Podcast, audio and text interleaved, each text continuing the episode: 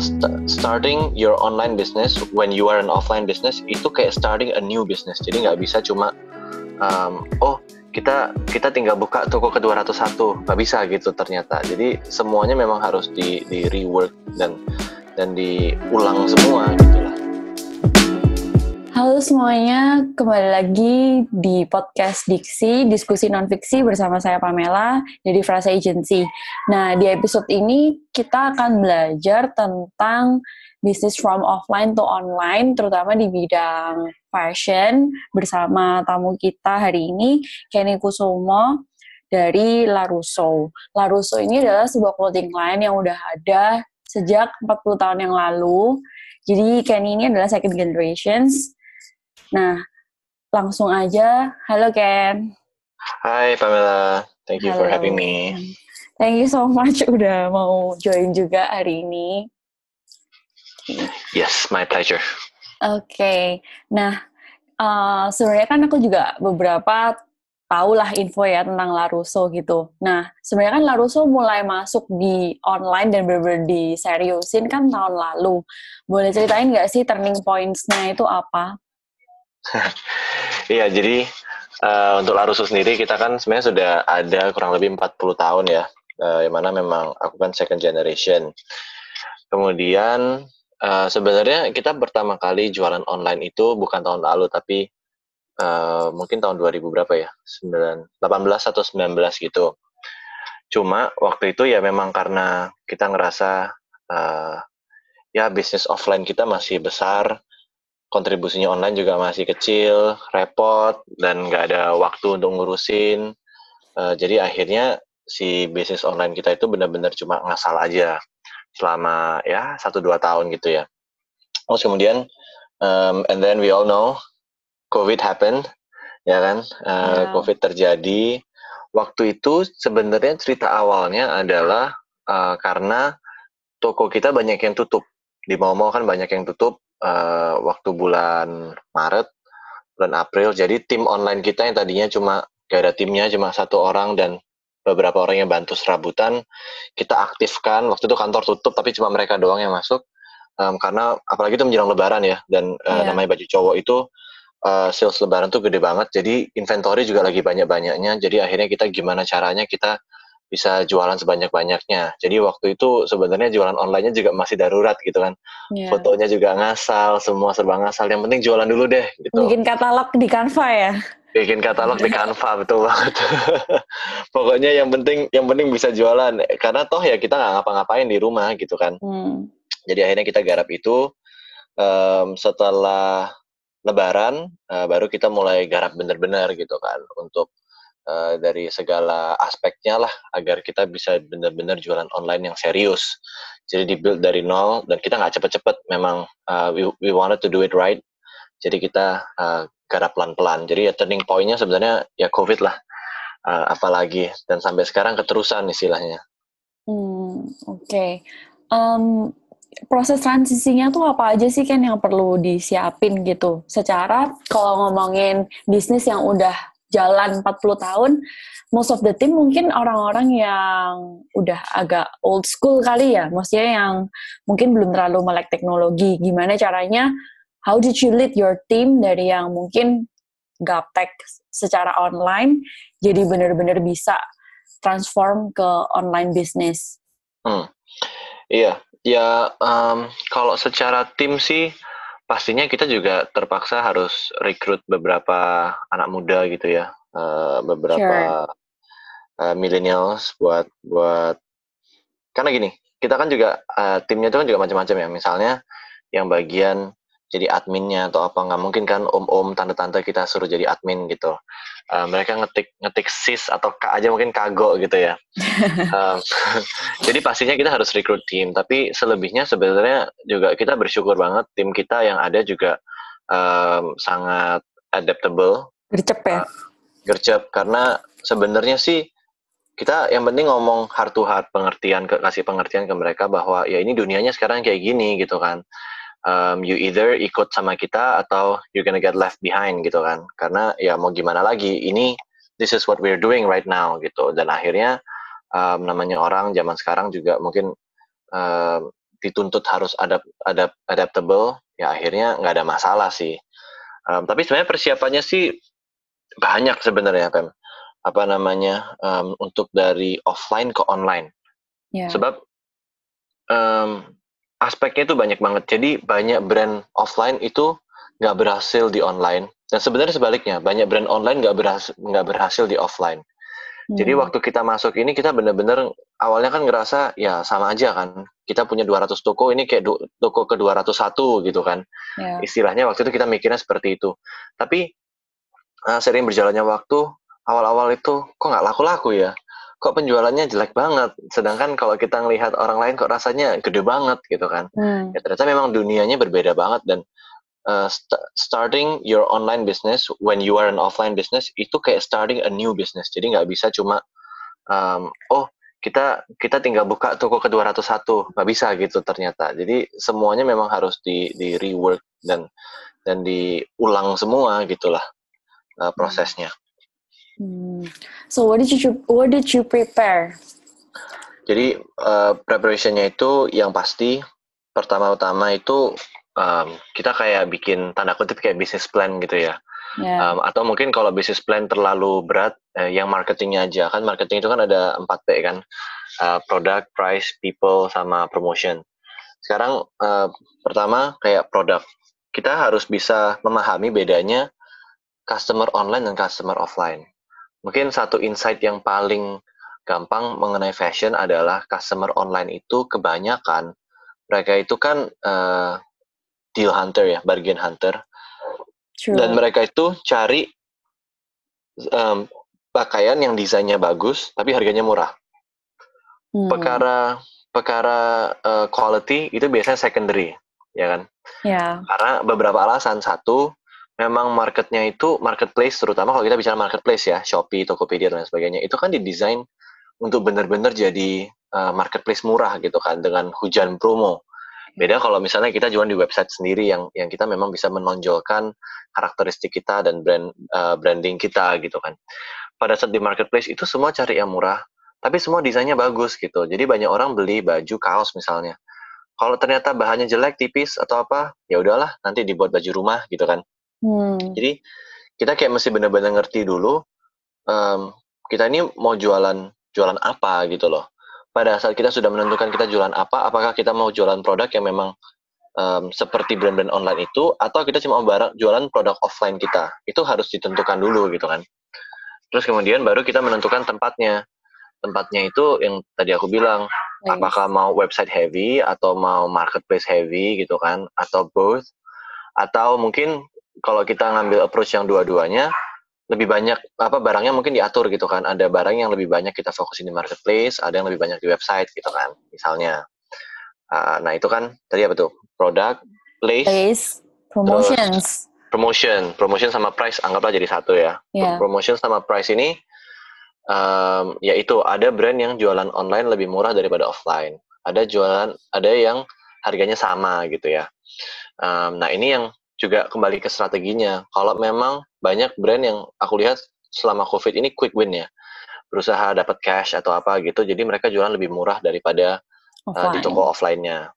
Yang mana itu uh, menurut menurutku sih kurang kurang bagus ya, kurang baik. Kita um, kalau kita belanja brand-brand yang udah udah besar, brand internasional lah anggap Zara misalnya. Hmm. Apakah kita beli Zara online dan offline harganya beda? Kan enggak, pasti sama. Yeah. Bahkan promonya aja sama. Jadi uh, itu kembali ke strategi sih. Cuma memang bisa dimengerti kalau banyak orang butuh quick win, butuh quick cash flow. Um, ya udahlah kita langsung promo besar-besaran um, atau harganya dibuat lebih murah daripada di offline.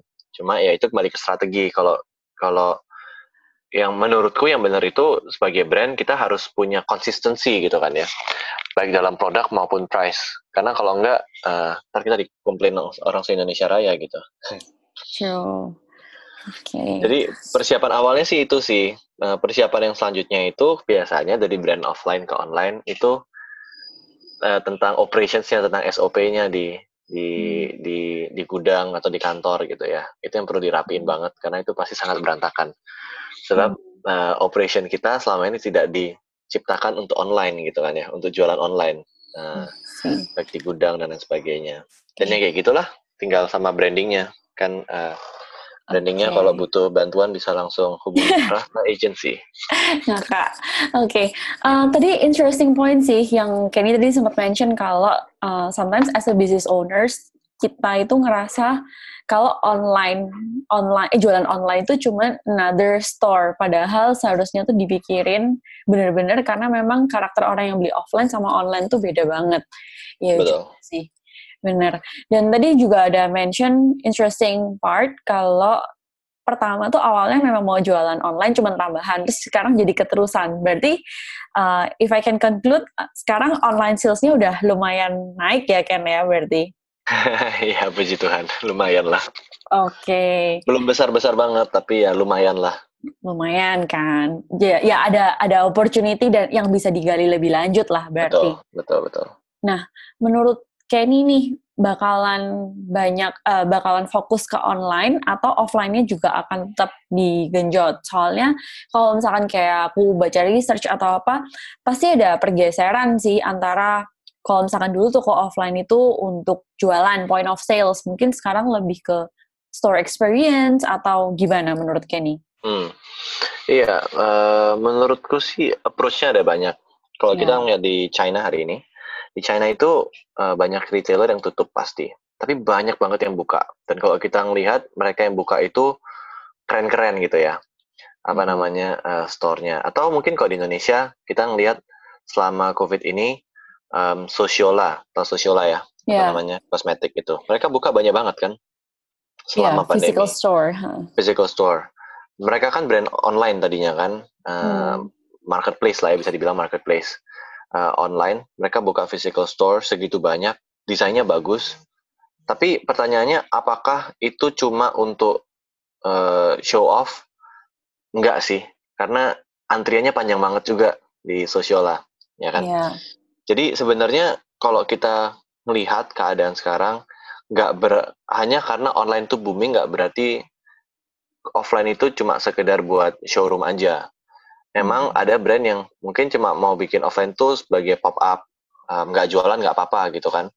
Um, kembali lagi itu ke strategi experience. Karena kalau kita tetap cuma jualan offline heavy um, dan online juga, yang tadi aku bilang di awal, yeah. um, mix harga dan mix produknya harus benar gitu kan. Hmm. Nah itu itu yang menjadi ini apa namanya jadi tanda tanya besarnya kan keputusan yang harus diambil sama sama brand. Kalau kita misalnya tetap mau jualannya itu yang yang murah, yang terjangkau untuk di marketplace, kemungkinan besar offline store kita itu nggak bisa buat jualan karena nggak akan masuk ininya apa namanya uh, biayanya betul. Okay. Tapi kalau misalnya uh, masih maunya itu oh di online juga aku maunya uh, develop brand gitu ya, mau dengan dengan harga yang masih cukup premium, bahannya harus bagus. Ya mungkin offline store-nya itu tetap tetap tetap dipertahankan seperti selama ini sebagai tempat jualan juga gitu. Hmm. Kalau kondisinya Laruso gimana? Offline store-nya lebih ke point of sales juga atau ya there are a lot of customers yang memang masih belum melek secara digital kalau di case-nya Laruso? Ya, buat kita sih um, offline store tetap jadi point of sale karena uh, kan sebelumnya kita juga udah punya uh, 200 lokasi ya, hampir 200 di seluruh Indonesia. Jadi kalau untuk menggantikan salesnya 200 toko itu masih masih jauh lah. Yeah. Apa namanya? Itu yang pertama. Tapi yang kedua, yang lebih penting adalah uh, customer itu juga macam-macam gitu kan. Uh, aku pribadi hmm. sejujurnya hampir nggak pernah belanja online. Really? Karena ya hampir nggak pernah. Aku ingat pertama kali aku belanja online itu kursi dulu, kursi kursi kerja buat di kamar gitu kan. Okay. Tapi selebihnya itu kayak baju itu hampir nggak pernah belanja online. Kenapa? Karena buat aku yang lebih penting itu uh, materialnya dibandingkan desainnya gitu. Hmm. Jadi kalau memang kalau belanja online solusinya biasanya kan adalah uh, bisa retur gitu ya. Tapi kan males ya mesti pergi yeah, ke yeah. Benar, mesti benar. pergi ke ini lagi gitu kan jadi kadang-kadang ya itu kayak tadi itu aku pernah beli kaos sekali ternyata bahannya tipis banget desainnya bagus banyak tipis banget akhirnya jadi baju, baju tidur gitu kan jadi um, customer itu masih banyak banget yang memang mereka tetap mau pegang bahan gitu. Hmm. Um, sadar atau nggak sadar, Uniqlo itu sekarang belum jualan online bener-bener. Jadi kalau kita ke iya website Indonesia, Bener. itu cuma bisa chat uh, pakai chatnya aja cuma bisa pakai WeChat kalau nggak salah. Iya. Eh pakai Line, sorry pakai Line. Line, line. pakai Line. line ya. Karena apa? Menurut aku karena uh, Uniqlo pun juga menyadari bahwa customer mereka itu kan uh, beli bahan kan Uniqlo itu kan karena nggak ada modelnya semua basic. Jadi kalau misalnya kita nggak pegang bahannya juga nggak bisa gitu kan. Nah makanya uh, buat buat kita sih offline is here to stay. Offline itu bukan untuk ditinggalkan, tapi setiap brand punya strategi masing-masing uh, untuk hmm. memaksimalkan both online dan offline mereka. Hmm. Itu sih. So basically there are a lot of types of customers. Jadi kita harus tahu aja kalau yang di offline itu kira-kira karakteristiknya kayak gimana. Jadi kita bisa accommodate their needs dan kalau di online juga seperti apa. Oke. Okay.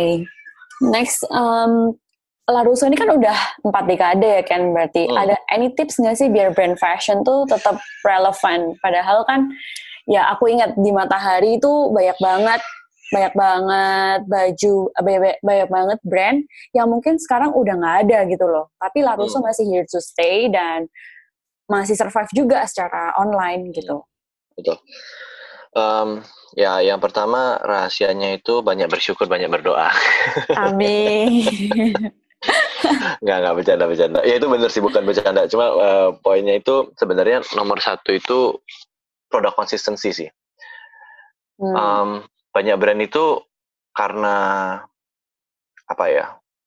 Karena biasanya eh, kepancing, kepancing sama kompetitor, kepancing sama tren, bukan tren sih, uh, lebih ke kompetisi biasanya ya. Hmm. Karena kan uh, namanya kita kerja itu kan semua kom competition ya kan. Nanti yang sebelah lebih rame gitu, um, kita uh, solution paling gampangnya kita turun harga aja gitu kan otomatis kita harus sacrifice quality gitu. Nah, uh, sehingga produk kita tuh nggak konsisten. Padahal maintaining a customer base itu uh, yang penting tuh konsistensi. Ada banyak brand, brand itu brand orang tua, ya kan, uh, yang beli hmm. Terus banyak orang bilang, kenapa sih kok lu bikin uh, barang cuma buat orang tua gitu? Ya kalau menurutku kalau memang itu target market yang kuat, ya why not gitu kan?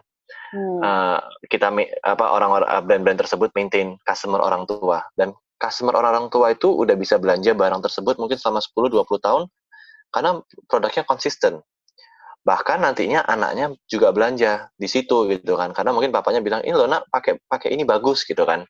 Hmm. Itu kan banyak ya brand legacy brand itu yang akhirnya turun menurun karena itu, produk konsistensi. Itu yang pertama. Yang kedua itu kita harus keep re reinventing ourselves gitu kan. Um, kalau aku itu inspired banget sama Villa sebenarnya. Villa itu kan brand yang udah tua banget. Kalau kita nonton iya film-film yang tahun 70-an, 80-an pasti uh, banyak yang pakai Villa gitu ya. Uh, atau Champion juga ya kan. Itu kan Ya, Champion. Itu kan uh, sebelum Nike dan Adidas bener-bener kayak hari ini yang jadi streetwear banget, mereka itu mungkin udah yang streetwear-nya zaman dulu gitu ya. Yeah. Um, tapi look at them today. Uh, Villa terutama ya kan Villa bisa collab sama BTS terus Villa itu kan kayak uh, waktu terutama mungkin dua tahun lalu ya Villa itu kan kayak yeah. yang yang super cool gitu kan. Nah itu kan sebenarnya cuma fashionable. mereka cuma re reinventing themselves gitu. Dan um, mungkin contoh paling bagus uh, adalah sebenarnya menurutku contoh paling bagus reinventing themselves itu uh, fast food sama soft drink ya kan Coca-Cola ya kan. Itu hmm. udah udah di istilahnya tanda kutip kayak di relaunch tanpa kita sadari berapa kali gitu kan. Jadi itu sesuatu yang penting untuk kita mau stay relevant for four years plus gitu kan. Dan yang paling penting juga adalah yang nggak kalah penting adalah uh, setiap brand itu kita harus look at the numbers juga ya. Jangan cuma fokus sama brandingnya, sama produknya, tapi juga harus look at the numbers. Banyak banget brand di Indonesia, di luar negeri yang mereka itu brandingnya bagus, produknya bagus, tapi mereka nggak bisa survive um, jangankan pandemi, hari-hari biasa aja susah survive-nya karena mereka terlalu fokus dengan uh, produk dan brandingnya. Mereka lupa bahwa at the end of the day kita semua ini perusahaan yang harus yang harus punya perputaran uang, yang harus survive gitu kan. Hmm. Ya, nah yang- itu sih menurutku three three most important aspect of fashion brandnya product consistency reinventing yourself sama- look at the numbers juga gitu Hmm, I see. Kalau Larusso ada rencana collab juga nggak sih? Misalkan one day gitu, pasti sama brand ambassador atau kayak gimana? Um, of course dong apa namanya kita kita lagi ada beberapa yang in development nanti stay tune aja follow kita di larusso.official Oke, oke. Um, what's next Ken for fashion retail industry di Indonesia gitu? Sekarang kan sebenarnya kalau ngomongin tren fashion di Indo, ada yang memang fokusnya ya local pride lah. Let's say kayak batik gitu. Tapi ada juga yang memang benar-benar ke-influence sama let's say Korean wave lah, terutama kalau cewek gitu. Kalau misalkan kayak cowok, gimana menurut Kenny? Hmm, sebenarnya sih menurutku sih Hmm. kembali lagi ini tergantung ya banyak banyak banyak orang itu um, terlalu mikirin ini aku tak kasih tanda kutip ya terlalu mikirin millennials Ya, atau Gen Z. Pertanyaannya kenapa sih kita harus selalu mikirin mikirin eh, tren-tren seperti itu? Kita itu spektrum kita seharusnya juga bisa lebih luas di Indonesia ini ada 270 juta eh, penduduknya kan, ya. yang mana kurang lebih separuhnya cowok, ya kan? Means ada 135 juta yang jenis kelaminnya pria. Dari 135 juta itu kita masih bisa breakdown kan dari anak-anak sampai orang tua. So market Indonesia itu gede banget gitu kan. So sebenarnya kalau kita nanya what's next di di fashion Indonesia, pertanyaannya itu di segmen apa gitu. Hmm. Nah itu itu pertanyaan penting sebenarnya. Eh, ini yang ini yang ini yang sering kali orang itu lupa gitu. Karena kalau kita bicara eh, Korean style atau apa, oke, it's up and coming, of course. Berapa banyak orang yang pakai itu? Nggak banyak gitu kan. Um, sebagai pelaku industri fashion pun aku nggak pede pakai pakai yang seperti itu gitu kan. Aku pedenya pakai yang standar-standar aja gitu kan. Kok kalau disuruh jalan-jalan pakai kimono gitu uh, belum deh kayaknya gitu kan. Jadi uh, pertanyaannya sih lebih di situ gitu. Kita bicara di segmen apa gitu. Kalau yang up and coming up and coming ya oke ada. Tapi mungkin the vast majority itu cuma akan ngambil aspek-aspek kecil dari apa yang up and coming ya kan? Hmm. misalnya em, di Indonesia as a whole kita pakai kita pakai kemeja yang yang apa namanya overshirt ya. Overshirt itu nggak banyak orang yang sebenarnya bisa pakai kalau per hari ini. Tapi apakah hari ini lebih banyak yang bisa pakai overshirt dibandingkan dulu? Jauh. Faktornya adalah brand-brand online-nya. Brand online Indonesia ini sekarang kalau kita bicara di anak muda itu em, yang mengarahkan eh, tren fashion gitu. Brand offline itu sudah nggak terlalu mengarahkan tren fashion karena brand offline itu banyak yang niru brand online sekarang. Tapi Hmm. kemudian brand offline itu akan modify supaya lebih acceptable for the mass market karena produksi mereka biasanya jauh lebih banyak. Jadi mereka juga harus jualan lebih banyak piece gitu ya. Eh, sehingga ya tadi aku bilang itu pasti cuma akan diadapt dari whatever is up and coming, diadapt jadi jadi simpelnya aja gitu. Nah, nanti otomatis orang tuanya juga mengikuti karena orang tua zaman sekarang kan kepengen kelihatan muda. True, bener. Nah, itu. Dan apa namanya? em, yang yang I think what's next for fashion retail industry di Indonesia itu juga adalah em, apa ya? Yang penting itu penempatan sih. Jadi maksudnya eh, jualan di tempat yang berbeda itu pasti akan trennya beda karena Indonesia itu so diverse. Indonesia itu Hmm. itu yang luar biasa di Indonesia gitu kan.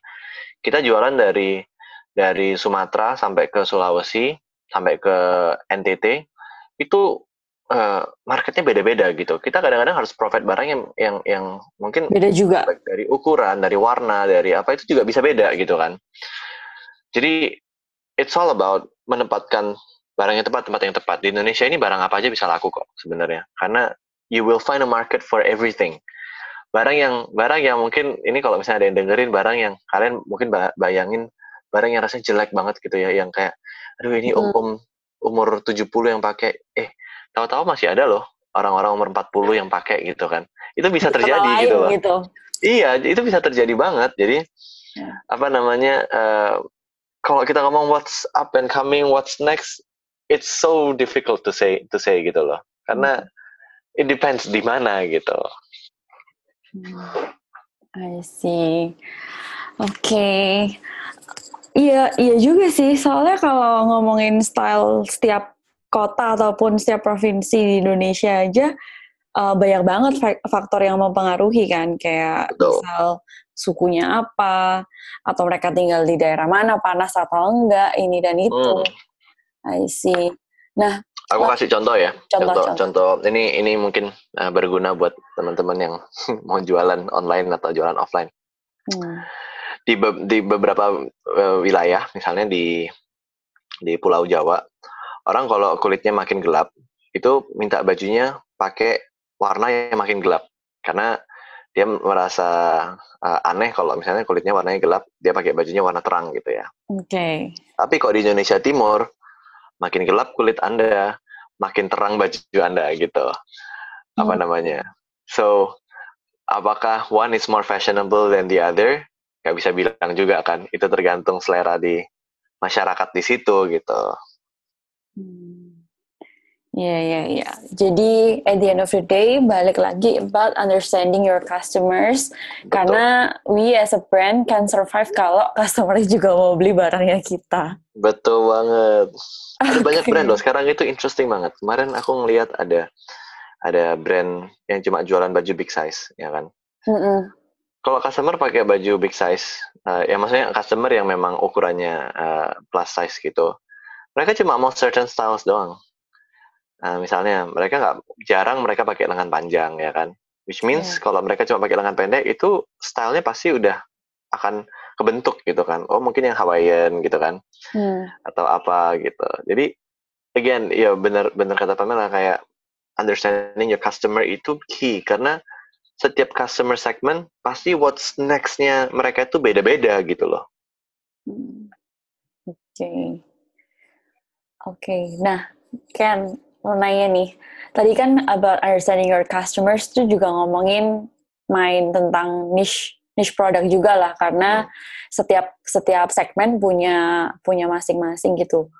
Nah, gimana sih caranya kamu bisa stay relevant on certain on certain community atau certain apa ya certain target segment gitu apakah that's why uh, apakah itu salah satu reason kayak Laruso diversify the brand juga atau gimana? Hmm, how how how do we stay relevant ya? Mm-mm, on certain market lah. Tadi on kan certain markets. Oke. Okay. Um, sebenarnya sih to stay relevant in certain markets itu ya sebenarnya di satu sisi tadi aku memang bilang kita harus understand the market, tapi di sisi lain kita juga bisa drive the market, ya kan? Mm. Uh, di mana kita kita juga bisa sebagai brand, uh, terutama national brand gitu, kita memang tetap bisa mengarahkan customer bahwa, hey, ini loh yang yang lagi in trend right now gitu kan. Cuma ada batasannya kita bisa maksa orang sampai segimana gitu kan. Hmm. Jadi um, ini sebenarnya permainan tarik ulur gitu. To stay relevant, kita harus ngerti mereka dan produk yang kita bikin tuh juga harus di-adapt gitu ya. Jadi misalnya kita cuma ngelihat tren dunia. Jadi kan kalau di fashion itu kan sebenarnya ada ada color of the year, color of the season gitu ya. Colors itu kita juga harus mikirin gitu kan. Oke, okay, warnanya kuning nih misalnya. Uh, bisa nggak sih the vast majority of our customer itu pakai warna kuning? coba kita visualize gitu ya iya om-om gitu atau nggak usah om-om ya walaupun yang yang yang masih muda pun pakai warna kuning gitu mau nggak ya pakai warna kuning gitu kan uh, tapi. Tapi terus habis itu kita mikir oh nggak mau dia kalau pakai bajunya warna kuning hmm. um, tapi ini color of the year-nya gitu kan misalnya um, di di mall-mall semua pasti ada kuningnya di sosial media pasti banyak warna kuning. Ya mungkin kita cuma di adapt itu jadi aksen gitu kan. Jadi mungkin banyak hmm. prints-nya yang warna kuning walaupun base-nya warna abu-abu misalnya gitu kan. So to stay relevant itu kita harus bisa adaptable sih. Kita nggak bisa maksain terus kehendak kita kecuali kita memang cuma mau serve a niche market gitu. Hmm. Tapi selama kita masih bisa adaptable, um, orang Indonesia itu cukup aware kok secara fashion. Uh, sekarang itu yang lagi in trend apa gitu apalagi kan uh, lagi pandemi gini kerjaannya orang kan kebanyakan main Instagram doang gitu kan. Iya. So uh, ngelihat influencer, ngelihat uh, artis, ngelihat uh, apa Korean shows, uh, juga Western shows gitu. Sebenarnya sebenarnya gampang banget gitu. Tinggal kitanya yang harus bisa adapt. Jadi ini role-nya di designer sih sebenarnya. Hmm. Untuk bisa adapt whatever is up and coming gitu on a, Iya. on a global fa- fashion trend. Iya sih. Tapi tadi ngomongin kayak tren, I don't even have yellow clothes gitu. Karena aku juga gak bisa bayangin aku pakai itu. Even kayak itu bu- itu bukan color of the year nggak apa-apa. cuman kalau doang ya. Tapi tapi meskipun tahun lalu banyak orang kayak beli baju warna lilac ya, terutama kalau cewek. Mm, mm, mm. Itu kayaknya aku sampai sekarang juga gak punya warna lilac sih. Jadi, Iya, ma- exactly. eh, Jadi kita harus iya, adapt gitu kan. Tapi mungkin kayak ada slight accent itu nggak apa-apa gitu loh. hmm, Eh, apa namanya? Tapi ya of course ada juga orang yang memang cuma mau all black, all white gitu ya. Kalau itu sih memang sepanjang masa ya. I see. Okay, okay. Okay, lastly, is there any message that you want to say to people in fashion industry atau anyone yang kayak continuing their parents business atau apa gitu yang sesuai sama pelajaran yang udah Kenny dapat lah selama bertahun-tahun kerja gitu. Eh, Iya. Well, I think the most important thing adalah uh, whatever that we want to try to do Hmm. udah hampir pasti mungkin 75% of what we- we're gonna try to do itu pasti fail ya kan?